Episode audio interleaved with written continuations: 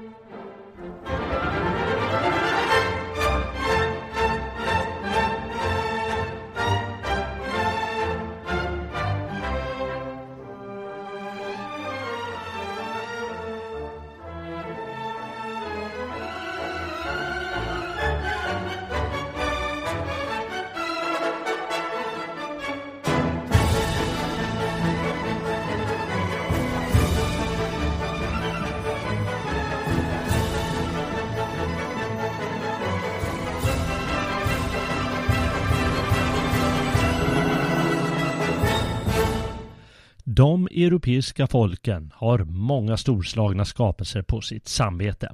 Om man bortser från uppfinningar, naturvetenskap och läkekonst så sticker konstmusiken ut något alldeles särskilt, kanske bredvid måleriet sagt i parentes. Det vi slapp brukar kalla den klassiska musiken. Och kronan på verket inom den klassiska konstmusiken är operakonsten. Symfonier, konserter, stråkkvartetter med mera i all ära. Men för en opera behöver kompositören ett något större register. Han måste bruka en stor orkester. Han måste använda människorösten. Han måste kunna förmedla handling, dramatik, stämningar och känslor. Han måste väcka liv i poesin som texten förmedlar. Och han måste göra en skapelse som varar 3 till 4 timmar. Om man heter Wagner 4 till 6 timmar. Pricken över i är sedan hela tillställningen med skådespelare, scenografi, scenmaskineri, operahus, mångfaldig publik, särskilda förväntningar etc. Succé eller fiasko kan hänga på bara någon av alla de faktorerna. Opera är kort och gott den konstnärliga världens raketuppskjutningar. Opera är en fest för öron, ögon och ja, hela själen. Opera är ett slags allkonstverk. Välkommen till en ny vandring på gamla och nya stigar. Jag heter Jalle Horn och tänker vandra genom operans värld allt sedan den uppfanns för drygt 400 år sedan till en hel del musik. Eftersom det finns så mycket att säga om saken och mycket att lyssna på är programmet uppdelat i två avsnitt. Det här är del 1. Mm. Och nästa vecka kommer, just det, del två. Idag blir det allmänt om fenomenet opera, lite grundläggande begrepp, tidsindelning och de första 150 åren av operahistorien. Nästa vecka blir det operahistoria från Gluck och Mozart till Puccini och Richard Strauss samt lite omdömen om vilka operor och kompositörer som är bäst och lämpliga att lyssna på som nybörjare. Ja, då så. Då är det bara att göra som på operapaus, hälla upp ett glas dyrt champagne eller vin och avnjuta spektaklet. För nu kör vi!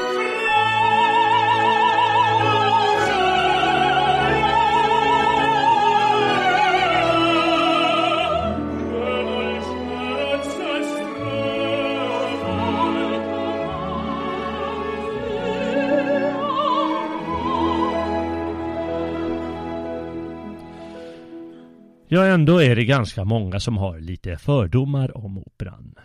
Vi är ju vana vid popmusik, visor och inte minst sossevärldens förlöjligande av konst. Ja, det är ju borgerligt översitteri. Jaha, opera hörde jag en kompis pappa säga en gång för länge sedan. Med ett leende på läpparna. Det är ju när en person springer över scenen och säger Hjälp, jag blir jagad. Hjälp, vad ska jag göra? Och en annan svarar med lika löjlig fras och lika löjlig konstgjord talmelodi. Nå, jag dömer ingen. Själv är jag inte särskilt intresserad av raketuppskjutningar. Men operakonsten beundrar jag högt. Även om det har blivit sparsamt med operabesöken de senaste åren. Särskilt under nedstängningseran som vi lever i.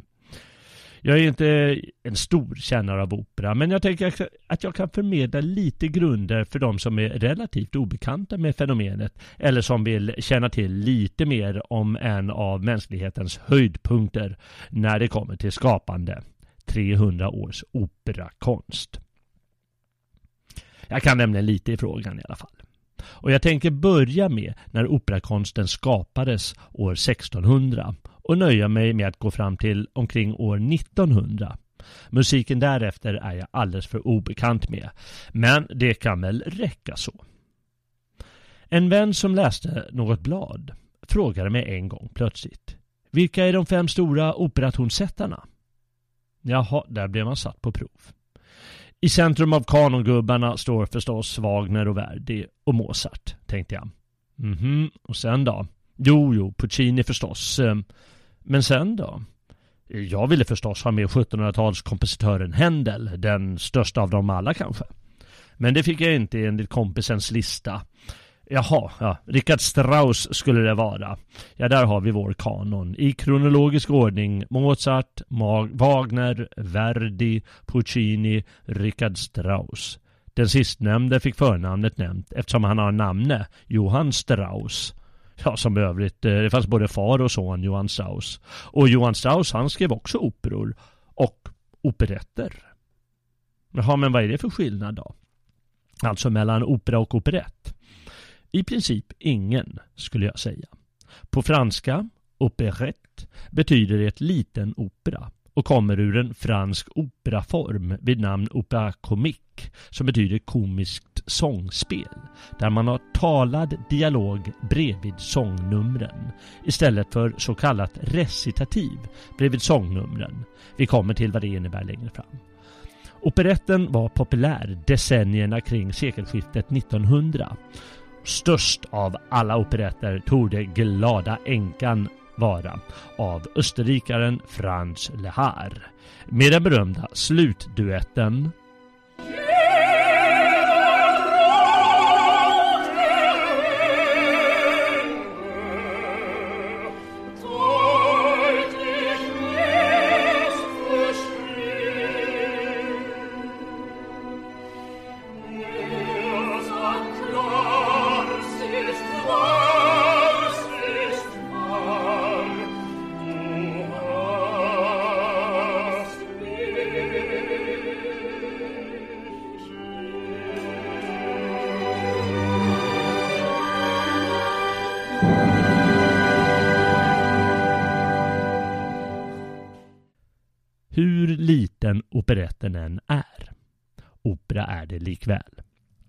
Liksom musikaler är. Vare sig det är med elektriska instrument eller eh, klassisk orkester. Opera är helt enkelt musikteater. det vill säga skådespel med musik till där skådespelarna sjunger med jämna mellanrum. Ordet opera betyder för övrigt i grund och botten bara verk. Som i litterärt verk, musikverk, konstverk eller för den delen Televerket som Telia hette förr i tiden. Ordet opera är verk i plural. I singular heter det opus. Man talar ju om opusnummer när man katalogiserar kompositörers verk. Opera betyder kort och gott en rad musikverk. Och det är ju vad det är. Några sångnummer spelade efter varandra. Fast av tradition kallar vi opera alla sorters musikdramatiska verk inom den klassiska musiken. Förutom operetterna då tydligt. Och vi kallar populärmusikens musikdramatiska verk med eller utan elektrifierade instrument för musikal. Jag sa att den där listan på fem kompositörer började med Mozart. Fanns det inte stora operatonsättare före det? Det vill säga före 1770 ungefär. Jo då, det fanns det verkligen. En av de största rent av. Ja, kanske den allra största som jag sa. Georg Friedrich Händel. Eller George Frederick Handel som britterna säger. Händel bodde ju större delen av sitt verksamma musikliv i London. Händel, Claudio Monteverdi, Alessandro Scarlatti, Johann Adolf Hasse och många andra fanns före Mozarts tid. Skälet till att de inte tar plats på den där listan är för att de tillhör en äldre tradition. Det är i alla fall vad jag misstänker. Tiden 1600 till 1750 hör inom musiken till barockeran. Musiken var annorlunda utformad. Rösttekniken var också annorlunda och man skapade många operaverk med nästan all musik för högre röstlägen för sopran och mezzosopran, kvinnans röstlägen. Många av stjärnorna var kastrater. Eller så sjöng kvinnor mansrollerna. Och mansrollerna hade alltså ofta kvinnliga röstlägen. Mer om den bisarra traditionen om ett tag. Under andra halvan av 1700-talet ändrades hur som helst modet. Kastraterna följde tiden och man gav mansroller till bas, bariton och tenorsångare, det vill säga mannens naturliga röstlägen. Man komponerade sångerna annorlunda, vilket krävde annan sångteknik. Hela skådespelet med handling etc. kom att bli annorlunda jämfört med tidigare. Den traditionen från och med mitten av 1700-talet var den etablerade och levande operatraditionen fram till, ja, än idag faktiskt. Ja, givetvis lite utvecklad med tiden men med någorlunda stabila grunder och under 1900-talet med en tillfogad modernistisk tradition. Vilket kan ställa nya krav på sångarna. Barockoperor spelas, spelades mer eller mindre aldrig före 1930-talet och i lite större skala först de senaste fyra decennierna. Istället för kastrater har manliga sångare av idag så kallade countertenorer som har naturligt höst, högt röstläge och med hjälp av falsettteknik och annat lärt sig att framföra de gamla ariorna gjorda för kvinnor och kastrater. På de stora operahusen är barockoperor fortfarande sällsynta. Säkerligen på grund av det här med röstlägen och annan sångteknik. I Sverige till exempel spelas barockoperor regelbundet enbart på Drottningholmsteatern. Några uppsättningar per sommar. Det spelas således en del barockoperor nu för tiden men repertoaren på de stora operahusen tillhör ännu den där listan från Mozart och framåt. Så är det helt enkelt. För alla som gillar äldre operor är alternativa operascener därför till stor glädje. Drottningholmsteatern är för övrigt ett litet mirakel i sig eftersom hela det gamla scenmaskineriet finns bevarat. Det används nu för tiden efter att man så att säga återupplivade teatern för några decennier sedan efter att ha stått som ett lager i 150 år. Andra liknande gamla teater i Europa har byggt nytt maskineri och ny bakgrund. Men Drottningholmsteatern är helt unik på det sättet att all scenografi och maskineriet är från 1700-talet. Det är väl värt ett besök med rundvandring. Man behöver inte se någon föreställning därefter om man inte vill. Men om man vill ge barockoperan ett försök så visar de i sommar Händels opera Agrippina, en historia från det antika Rom. Man måste, men man, man måste vara ute i god tid för att få biljetter till humant pris. Biljettbeställningen börjar nog snart. Och i sommar kan det låta ungefär så här. En sak innan jag trycker på play. Märk dels recitativsnutten innan sången börjar, det vill säga det lilla sångtalandet de kör med. Och dels är det här en så kallad da capo-aria, där huvuddelen sjungs på nytt efter ett kort mellanstycke. Brygga som det kallas i popmusiken. Notera hur i reprisen sångerskan improviserar genom att sjunga ut lite extra, vilket var typiskt på Händels tid. Särskilt om det var en bravuraria, en sång gjord för att sångerskan, eller kastratsångaren, ska kunna glänsa. Att vår sångerska gör det sisådär beror på att hon är student. Och konstiga stamp i bakgrunden beror på att det är live, där de springer runt på scenen.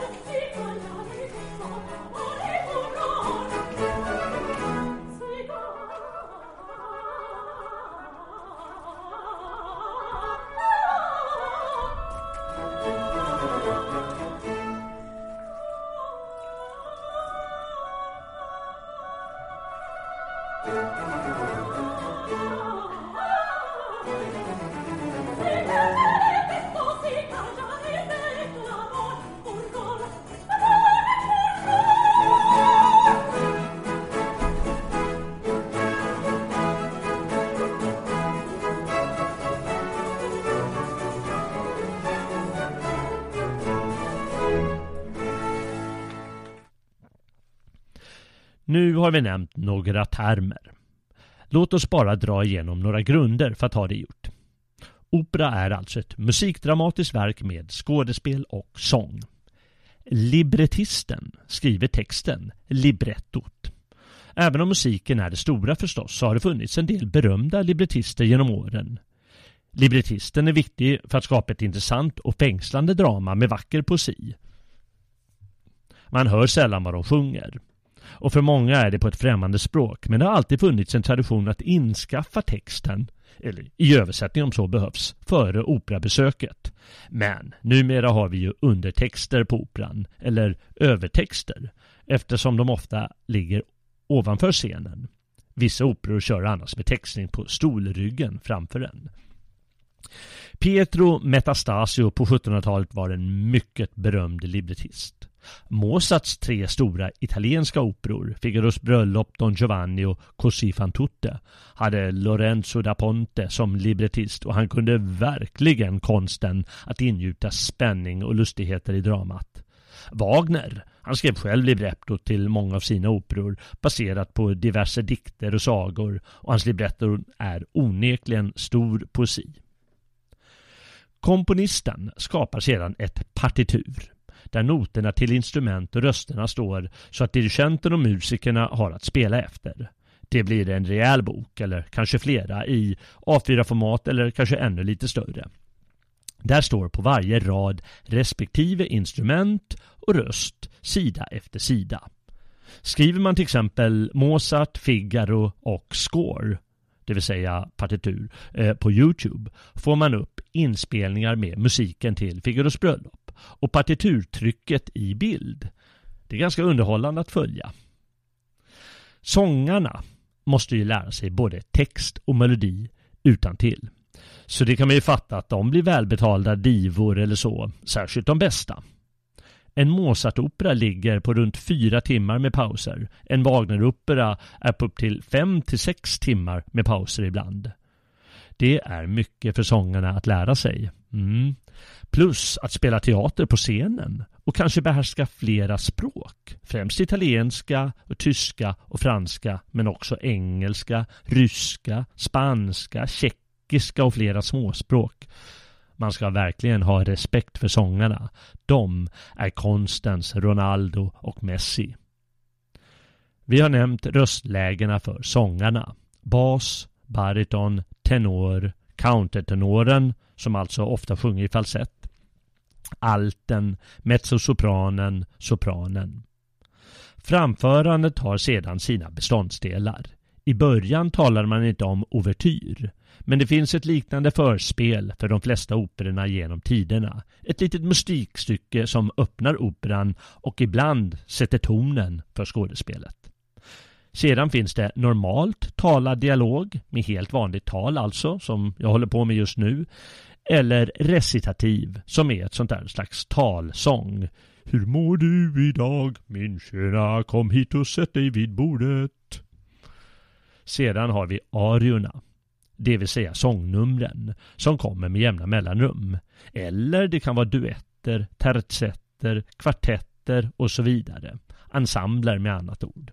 Eller rent av körsånger med många sångare. Vanligtvis för talet eller recitativet handlingen framåt.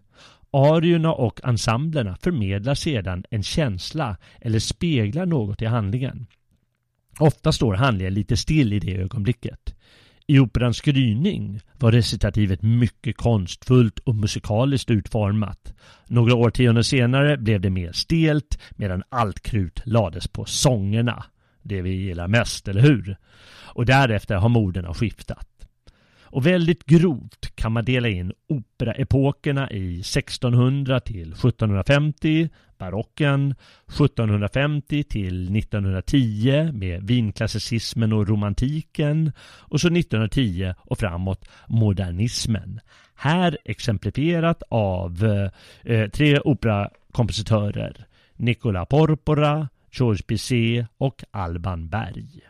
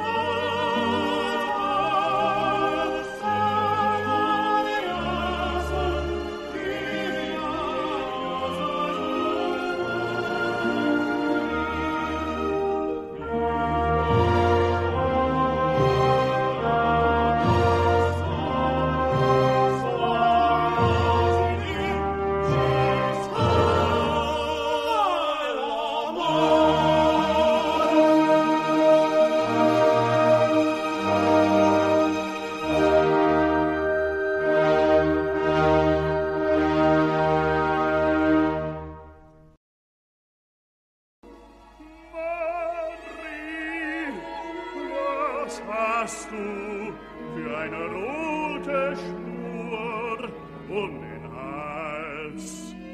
Was ihrer schöne Halsband verdient, wie die Ohrringlein mit deiner Sinn. Was hängen dir die schwarzen Haare so wild? Sie werden nach mir suchen, das Messer verrennt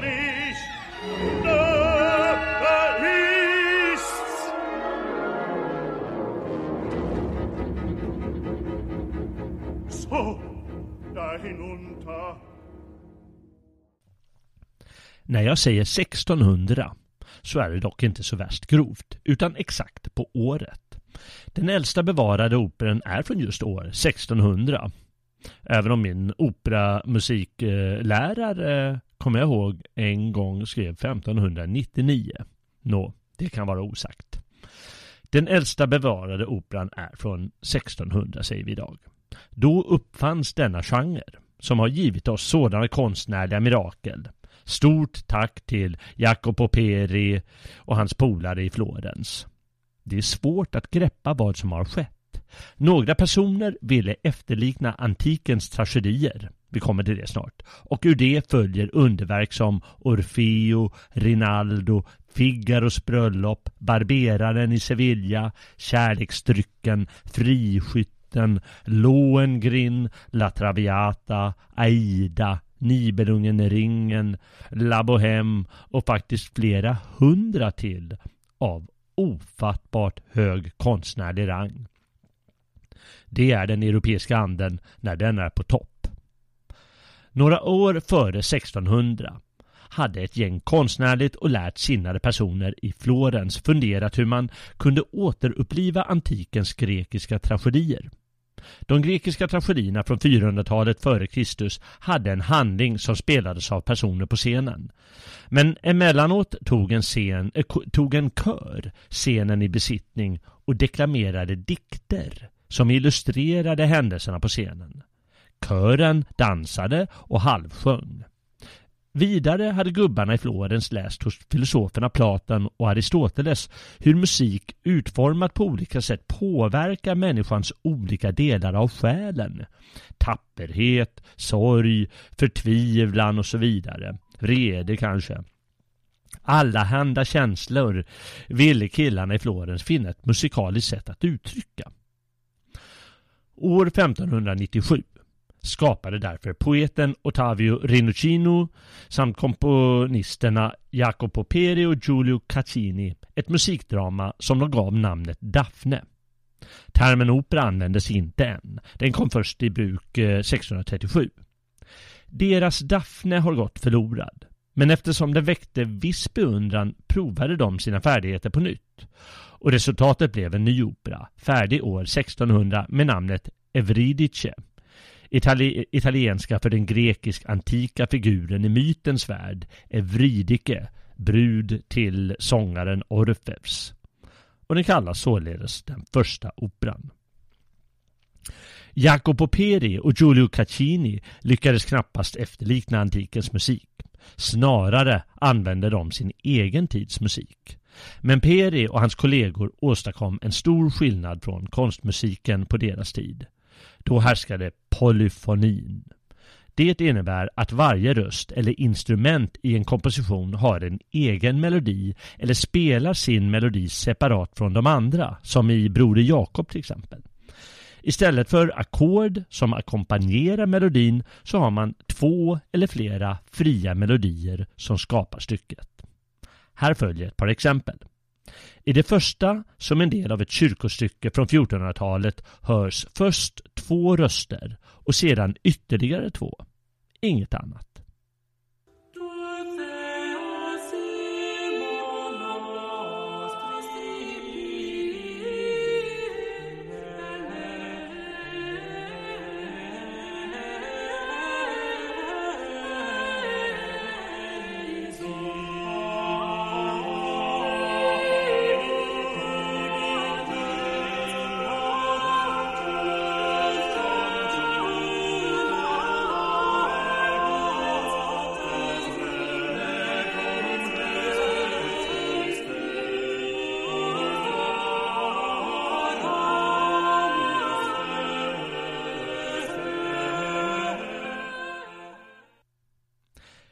Nästa stycke är mer angenämt för oss. Det är en liten bit ur ouvertyren i det kanske mest kända av alla operor, Giuseppe Verdis La Traviata.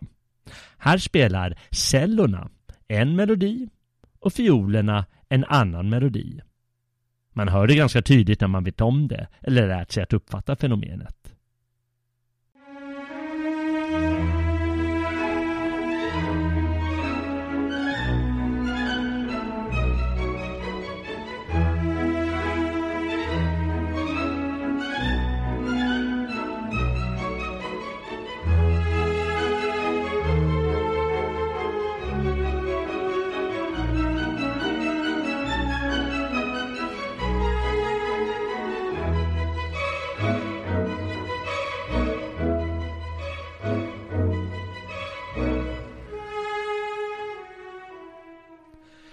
Det behöver inte vara så avancerat. Broder Jakob är ju inte så värst avancerat och många poplåtar använder faktiskt polyfoni.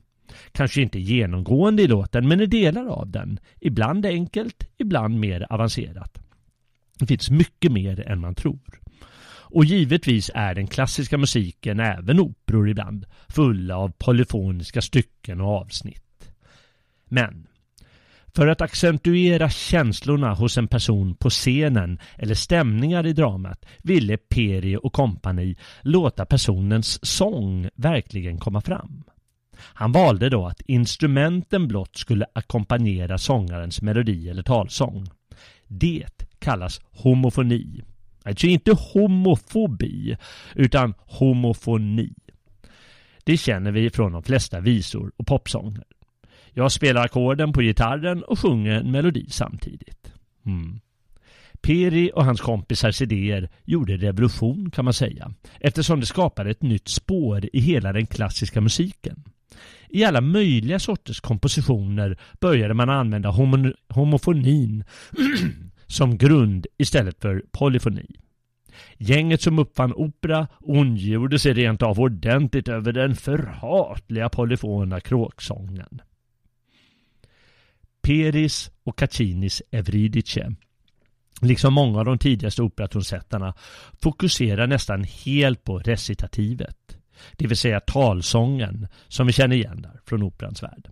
Talsången är ackompanjerad av orkestern enligt principen om homofoni så att man verkligen kan höra och hänga med i hans sång. Hundra år senare lade man det mesta av krutet på vackra eller känslomässiga sångnummer ariorna. Sådana lyser med sin frånvaro i Peris och Caccinis opera. Det är långt ifrån dansant och svungigt.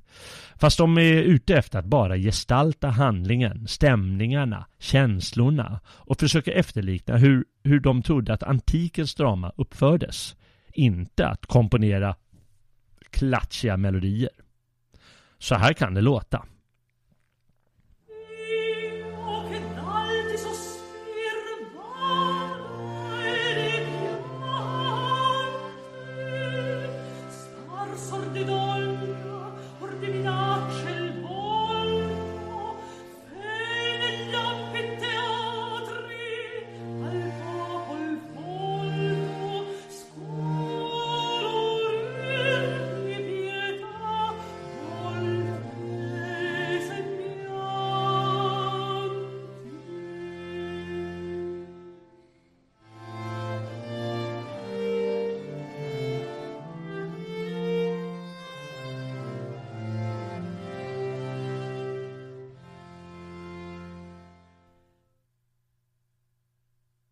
Ja, så kan det alltså låta. Och gör väl mest så hela tiden. Bristen på variation och mer verklig sång gör att vi idag tycker att det är ganska enformigt och tråkigt. Det finns enstaka avsnitt med lite spänning i musiken och på slutet sjungs en vacker sång för kör. Annars är det lite träigt. Men det var avsikten och de var ju faktiskt nybörjare när det gällde att skapa operor. Det måste man ha klart för sig. De var först ut av alla. Och Peri, han har faktiskt gjort andra vackra sånger. Till exempel följande i en något modern tappning.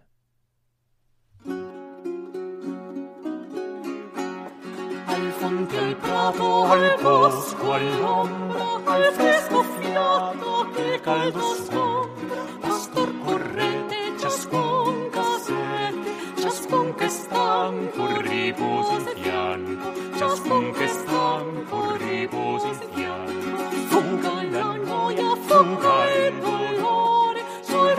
e gioia, sul caro.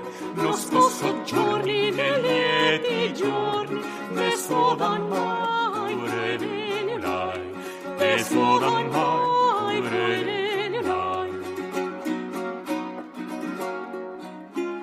Ma dolce canto viva gli uccelli per verde manto degli arboscelli, risoli sempre con nuovi tempre,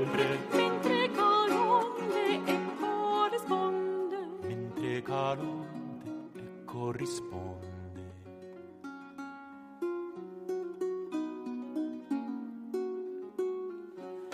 E mentre all'età quanto più pote la giovinetta con rozzerotte il suo dolce che caldo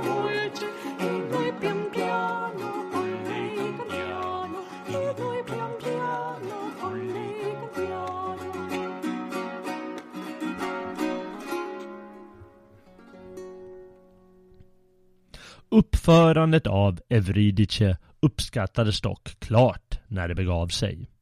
Evridice var en del av festligheterna i samband med bröllopet mellan Henrik den fjärde av Frankrike och Maria de Medici, den berömda Florensläkten.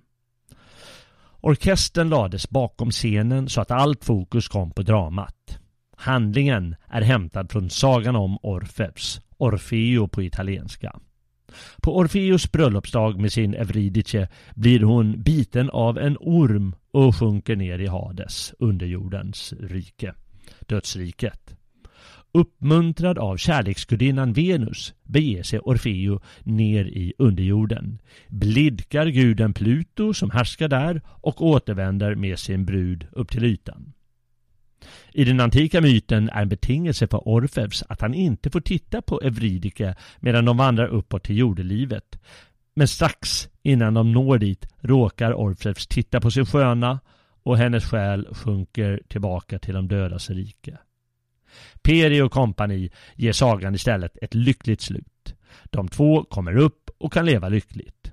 Operan framfördes ju för guds skull för ett kungligt brudkar brudpar och då kan det ju inte sluta eländigt. Mm. Även andra komposörer fick chansen i samband med bröllopet. Caccini till exempel skrev en opera där den stora behållningen var scenografin och scenmaskineriet som behövs för att växla bakgrunderna och låta varelser hissas in och ut på scenen. I Caccinis opera åker bland annat solguden Helios på en vagn över scenen och en stor valfisk rör sig in och ut. Allt med hjälp av finurligt maskineri. Sedan den dagen har operavärlden frossat i scenografiska lösningar, såväl spektakulära som minimalistiska inslag. Den nya formen av musikdramatik blev snabbt populärt hos furstarna i de italienska småstaterna på den tiden. Florens, Mantua, Rom med mera. Fast de första operorna var rätt tafatta musikaliskt sett. Men tacka gudarna för snillen. För genier. Kollegiet i Cameratan i Florens var fantastiska på sitt sätt men de saknade en viss gnista. Tidens största musikaliska geni, Claudio Monteverdi, ägde det i övermått. Han tjänade fursten i Mantua som gärna ville ha en sån där operaföreställning som de hade i Florens. Och Monteverdi tog sig an saken. Resultatet blev det som man brukar kalla den första riktiga operan, Orfeo från 1607.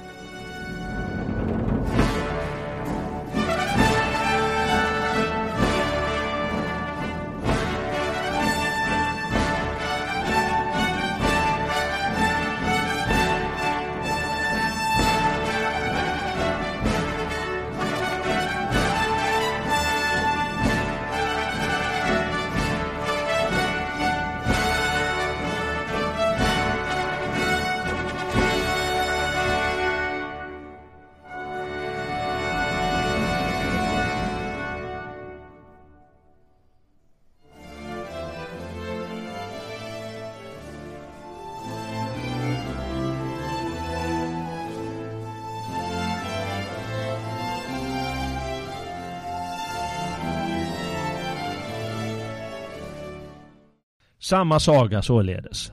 Fast den här gången sätts Orfeus på det där provet att inte se på Evridike tills hon kom ut ur dödsriket. Och han klarade inte den här gången. Hon tjatar om hans uppmärksamhet på vägen upp från Hades och när hon till sist säger något i stil med att han uppenbarligen inte älskar henne eftersom han inte ens vill titta på henne vänder han sig förtvivlad om strax före utgången och så glider hon ner i dödsriket igen.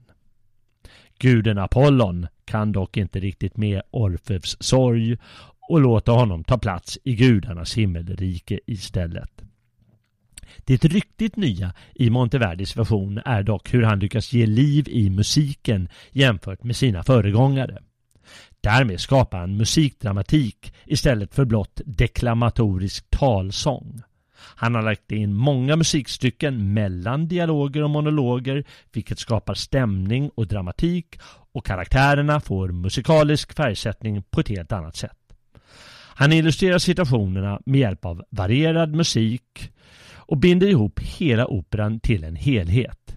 Det är inga sprudlande arior alla Mozart men det är inte tröttande som den första operaförsöken. Vi har tre operor bevarade av Monteverdi. Hans överlägset mest kända nummer är en duett från operan Poppias kröning från 1642 om rätt så omoraliska kärleksintriger på kejsar Neros tid. Då var Monteverdi 75 år gammal men ändå vid mycket god musikalisk vigör. Efter diverse intriger och ohyggligheter kan Poppa få sin Nero varpå de två sjunger sin kärleksduett. Ironiskt nog vill en del forskare frånta honom den vackra sången. De misstänker att det istället är hans lärjunge Cesti eller Cavalli som har komponerat musiken till den sången. Eftersom den är lite udda för Monteverdis stil, men mer typisk för hans lärjungar. Jaha, men kan inte Monteverdi i slutet av sitt liv visat sina elever hur man skapar musik när den är som vackrast?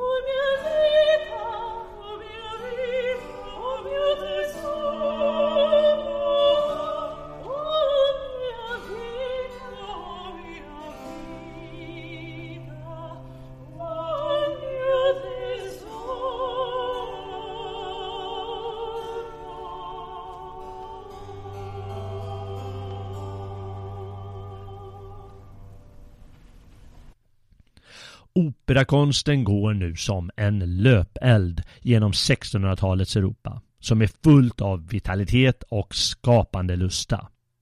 Först sprids operas, operan först runt om i Italien, främst i Rom, Neapel och Venedig, senare i Frankrike, England och Tyskland.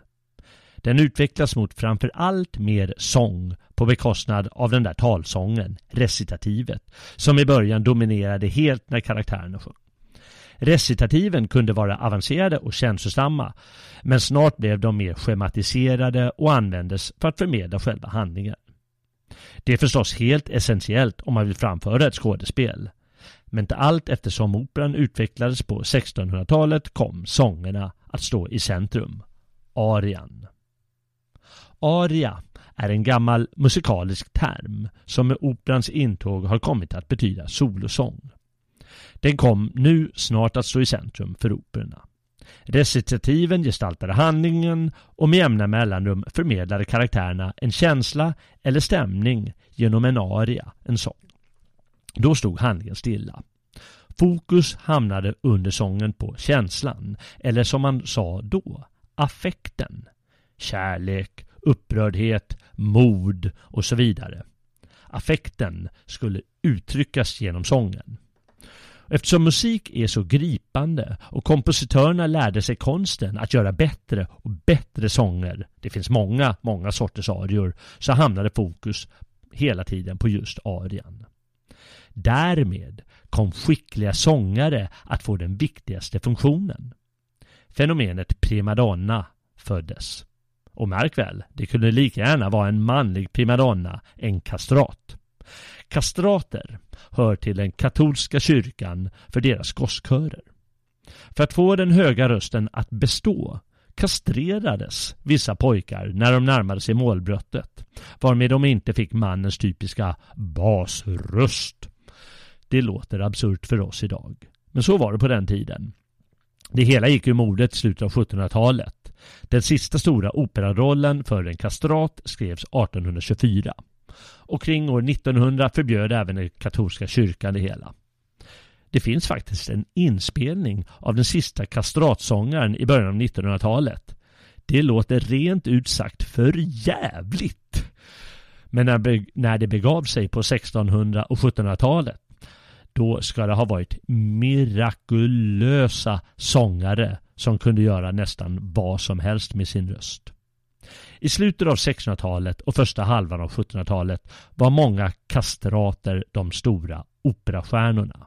Med sina större lungor och manliga kraft, ja, de hade väl kvar det ändå, kunde de sjunga ofattbart kraftigt och energiskt. De hade dessutom utbildats i sång sedan barndomen och behärskade tekniker som få andra. Störst av dem alla var Farinelli. Det var hans artistnamn. Egentligen hette han Carlo Broschi. Född 1705 fick han med sig det mesta av 1700-talet och framträdde i många av seklets främsta operor. Hans bror, Riccardo, komponerade för övrigt en del musik för sin bror att briljera med. Det finns en film från 80-talet som heter just Farinelli om de två bröderna för den som är nyfiken. Här ett avsnitt ur en Broschi-opera Ja, och dåligt är det då rakt inte.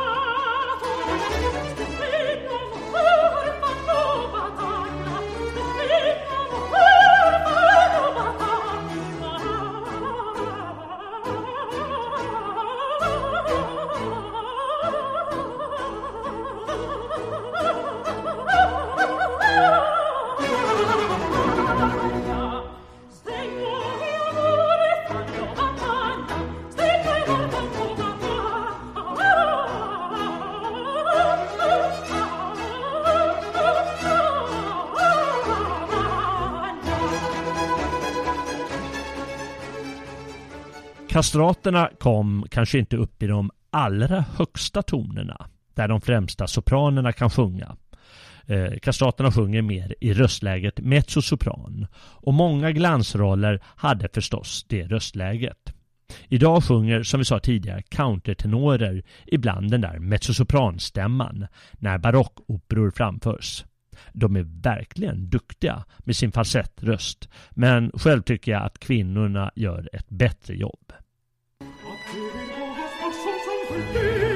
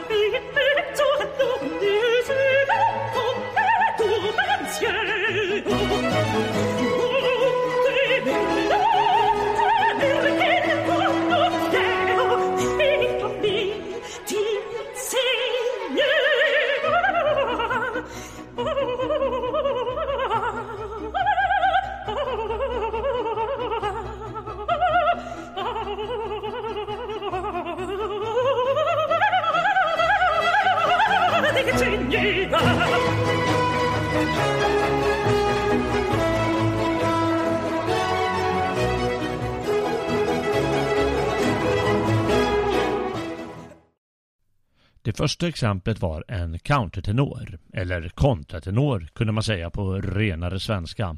Italienarna säger för övrigt kontraltista. En man alltså vid namn Javier Savata från skivan The Five Countertenors. Det andra exemplet var en kvinna, Cecilia Bartoli från skivan Sacrificium, The Art of Castrati som även finns effektfullt filmatiserad och upplagd på Youtube att titta på. Båda sjöng arior av Porpora från början av 1700-talet och kan man annat än säga om Bartoli vilket jäkla tryck i lungorna. Primadonnorna fick sådan status att de kunde diktera villkor för sina framträdanden. De kunde till exempel kräva att deras favoritaria skulle sjungas. Eh, av en helt annan kompositör säkert. Och eh, kompositören, eh, han fick vackert göra om i sin opera för att ge plats åt primadonnans favorit. Och vid stort bifall kunde de sjunga om en aria både en och två gånger. Även om det blir konstigt ur dramaturgisk synvinkel. Det är ju ändå ett drama som spelas. Dramats handling betydde mindre än stjärnans glans. Det var ju primadonnan som drog publiken. Kapitalismen har visst alltid dikterat villkoren. Kompositören var på den tiden faktiskt först trea i rang. Även scenmaskinisten som ordnade scenografi och maskineriet stod högre på lönelistan. Ty publiken lockades också av de spektakulära scenerierna som kunde ändras från en gata i staden till en lummig skog eller där drakar svingades in på scenen. Och det här med en allmän publik började i Venedig på 1630-talet. Före det framfördes operor i furstarnas privata teatrar. Men i Venedig började vanliga köpmän grunda operahus och publiken välde in. Alla ville se de storslagna scenerna och höra skönsång. Och för att boosta stämningen och locka mer folk kunde operahusets ägare eller kompositören som ville få sina verk att synas köpa in publik som hurrade extra mycket. Konkurrenter kunde svara med att hyra personer som gick dit och buade. Ja, det rådde inte bara krig på slagfältet. Även i de europeiska städerna rådde ett underbart musikkrig. Den sortens konkurrens om publiken gällde åtminstone 1800-talet ut. Det säger en del om européernas törst efter konst och skapande. För att locka mer publik lade librettisterna in komiska inslag i operorna. I början av 1700-talet rensades sådant ut, varmed en särskild genre skapades, opera seria, allvarlig opera som sjöngs på italienska. Strax därefter skapades därför en egen genre för komisk opera, opera buffa, även det på italienska. Liksom tragedin inom teatern har allvarlig opera alltid rankats högre. Men många komiska operor är bland de bästa operorna genom historierna. Till exempel Figaros bröllop av Mozart, Kärleksdrycken av Donizetti eller Barberaren i Sevilla av Rossini. Figaro, son qua e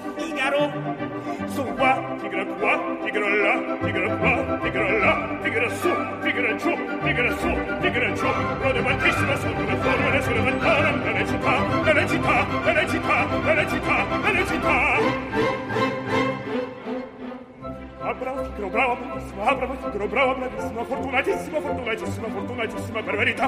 La la la la la la la la la la la la la la la la la la la Un'apertura, un'apertura, un'apertura non mancherà. Sono imparato nella città, sono imparato nella città, nella città, nella città.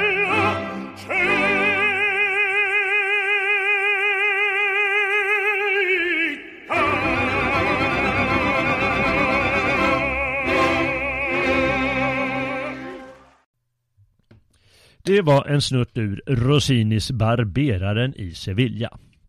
Men åter till barockens tidevarv 1600-1750. Typiskt för barockoperan är förmedling av de typiska känslorna. Man laborerade med ett särskilt antal känslor eller affekter som skulle fånga upp, fångas upp i ett visst antal arior eller duetter. Man arbetade mycket med olika effekter och starka kontraster. Två kärleksarior följde till exempel aldrig på varandra utan olika känslor skulle förmedlas i aria efter aria. Operakonsten snappades snart upp i Frankrike, Tyskland och England. Och oftast var det italienare som visade hur man gjorde. Fransosernas första stora kompositör, Jean-Baptiste Lully, hette egentligen mm, Giovanni Battista Lully och kom från Florens. Engelsmännens främsta kompositör på 1600-talet var däremot engelsk så det räckte. Henry Purcell är intressant eftersom han gärna komponerade operor med nationellt präglat innehåll. På den tiden handlade de flesta operorna om en gammal antik myt eller händelse. Men två av Purcells främsta operor använder engelska sagor.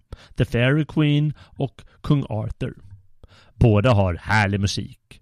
Men allra mest känd är ändå hans opera baserad på romaren Vergilius epos Eniden.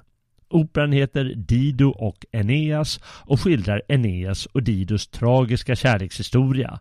Tragisk eftersom hon begår självmord när Eneas lämnar henne för att fullfölja sitt öde och lägga grunden för Rom. Hennes dödsaria, Didos lament, är en av operahistoriens mest kända.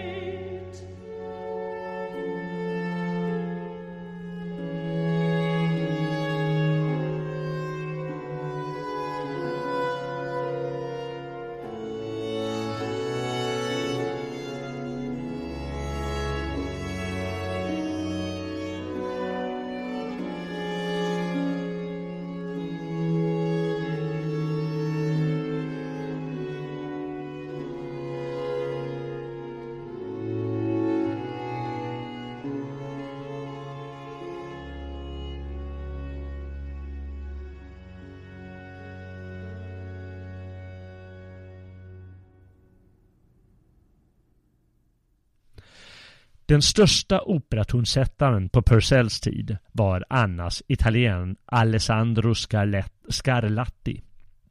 Han verkade i Neapel. Och där gjorde barockens absolut största operatonsättare studiebesök innan han så småningom hamnade i London. Georg Friedrich Händel var från Halle men efter sina italienska studieår hamnade han i Hannover 1710. Redan då hade han några operor på sitt samvete. Och London, ja, det verkade intressant eftersom där rådde en begynnande sjukdom. Operafeber. Händel fick draghjälp av att fursten i Hannover, Georg, ärvde den brittiska tronen och blev George den förste. Således hamnade Händel-Georg också där och blev med tiden en George även han, George Frederick Handel. Mellan 1711 och 1741 skrev han, beroende på hur man räknade, omkring 40 operor av ofattbart hög kvalitet. Han slog igenom i London med Rinaldo, öppnade operahus och förde en förtvivlad kamp med konkurrenter som Nicola Porpora, primadonnor som Farinelli, långivare och andra jobbiga typer. Kastraten Farinelli sjöng för både Händel och hans konkurrenter i staden. Den mest berömda arian ur Rinaldo har blivit Lascia Pianga. Liksom flera av hans arior och duetter är det ett stycke som han har återanvänt. Ursprungligen skrev han musiken i Italien till en av sina italienska kantater. Det var helt vanligt på den tiden att man återanvände material för olika kompositioner. Så gjorde alla. Vår idé om originalitet hade inte slagit igenom på den tiden. Då förstod man det där med recycling.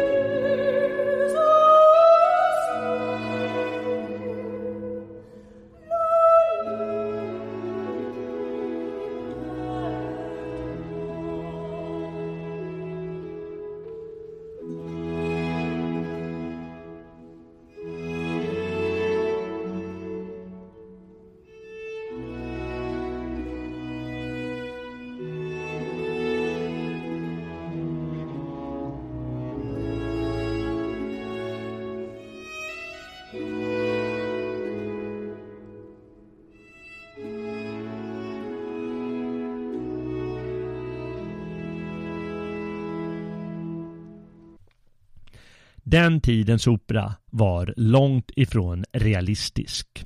Särskilt när det gäller opera seria, den allvarliga italienska operan. Man frossade i fantasifulla ämnen, både från mytens, litteraturens och historiens värld. Rinaldo är tagen ur renässansförfattaren Tassos epos Det befriade Jerusalem om korstågstiden med en ordentlig dos trolldom som grädde på moset. Det skulle gärna vara exotiskt. Tamerlano handlar om Timur Lenk. Cerse handlar om persekungen Xerxes. Porro om en indisk kung. Arminio om germanhövdingen Arminius och så vidare. Fantasifullt och storslaget skulle det vara och man gjorde precis som man ville med materialet man använde. Man kastade till exempel in kärlekshistorier till höger och vänster för att öka på dramatiken och man hittade karaktär på karaktärer precis som man kände för. Händel, liksom hans kollegor i London, bjöd publiken på det de ville ha. Även om vissa intriger kan kännas löjliga eller för historiskt inkorrekta för oss idag. Händel, han bjöd bland annat engelsmännen på deras egen musiktradition från Purcells dagar. Operaseria var på italienska, så var det bara. Men eh, det fanns en engelsk musikdramatisk genre som kallades maskspel och Händel skrev några sådana åt sina nya landsmän med engelsk text istället för utrikiska. En oerhört populär liten opera var Asis och Galatea med tema från en grekisk myt. Ett av de populärare styckena ur den lilla operan är duetten Happy We.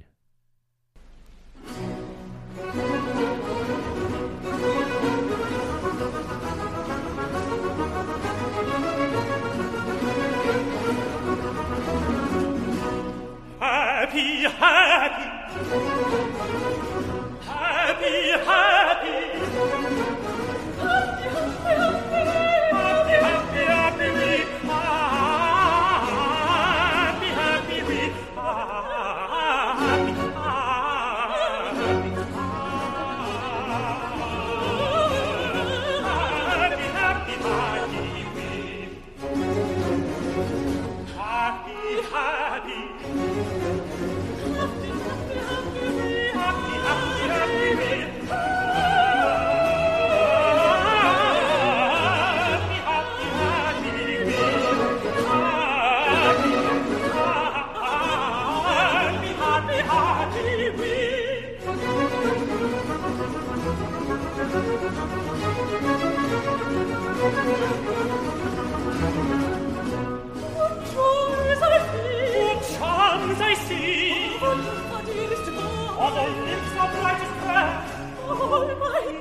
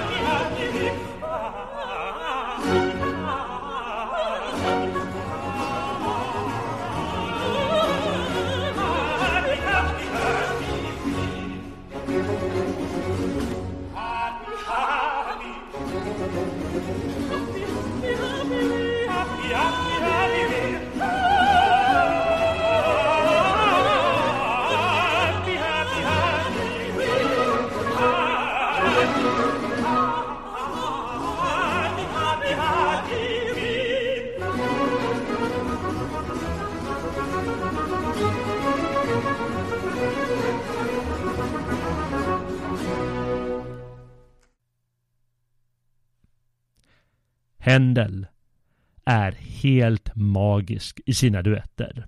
Han som många andras eh, operaseria må vara allvarliga men de slutar många gånger lyckligt med en vacker duett. Det där med vackert slut känner vi igen ända från den första operan. Ve den som inte gråter då de hör den där duetten. Inte av den klyschiga kärlekshandlingen men av den förtrollande musiken. Händel han skrev förresten många oratorier. Messias är det mest kända och det är ett intressant, ett intressant kapitel för sig. Hans oratorier fungerar, fungerar mer eller mindre likadant som operorna. De har recitativ, olika sorters arior, ensembler med mera. Men istället för att uppträda på en scen och spela upp handlingen står de bara still och sjunger. Så operor kan man ändå inte kalla det. Ungefär samtidigt som han började komponera oratorier slutade Händel skapa operor. Han kan sägas vara kulmen på barockoperan. Italiensk opera i barockstil håller i sig nästan 1700-talet ut. Men sakta men säkert ändras operastilen. Bland annat skapar österrikaren Christoph Willibald Gluck reformoperan där han vill reformera operan bort från den där schematiska stilen som präglar opera seria. Och en som gick loss på den nya sortens opera var Wolfgang Amadeus Mozart. Men nu har vi kommit in på ämnet för nästa avsnitt här på gamla och nya stigar. Del två av vår opera To. Och nu måste vi avsluta. Om du gillar vad du har hört så får du gärna hjälpa Svegot genom att bli stödprenumerant. Det gör du enklast genom att gå in på svegot.se och klicka stödprenumerant. Där står all information du behöver i det ärendet. Jag heter Jalle Horn och tackar för dagens vandring. Tack för att du har lyssnat och jag hoppas att du återvänder till nästa avsnitt då vi kör operan från Mozart till Puccini. Musiken blir den gången minst lika bra som den har varit den senaste timmen. Tills dess, väl mött frände! How powerful is the Cox network? So powerful that one day the internet will let your doctor perform miracles from thousands of miles away, Connecting to remote operating room. giving a whole new meaning to the term house call. Operation complete. The Cox network, with gig speeds everywhere, it's internet built for tomorrow, today. Cox, bringing us closer. In Cox serviceable areas, speeds vary and are not guaranteed. Cox terms apply, other restrictions may apply.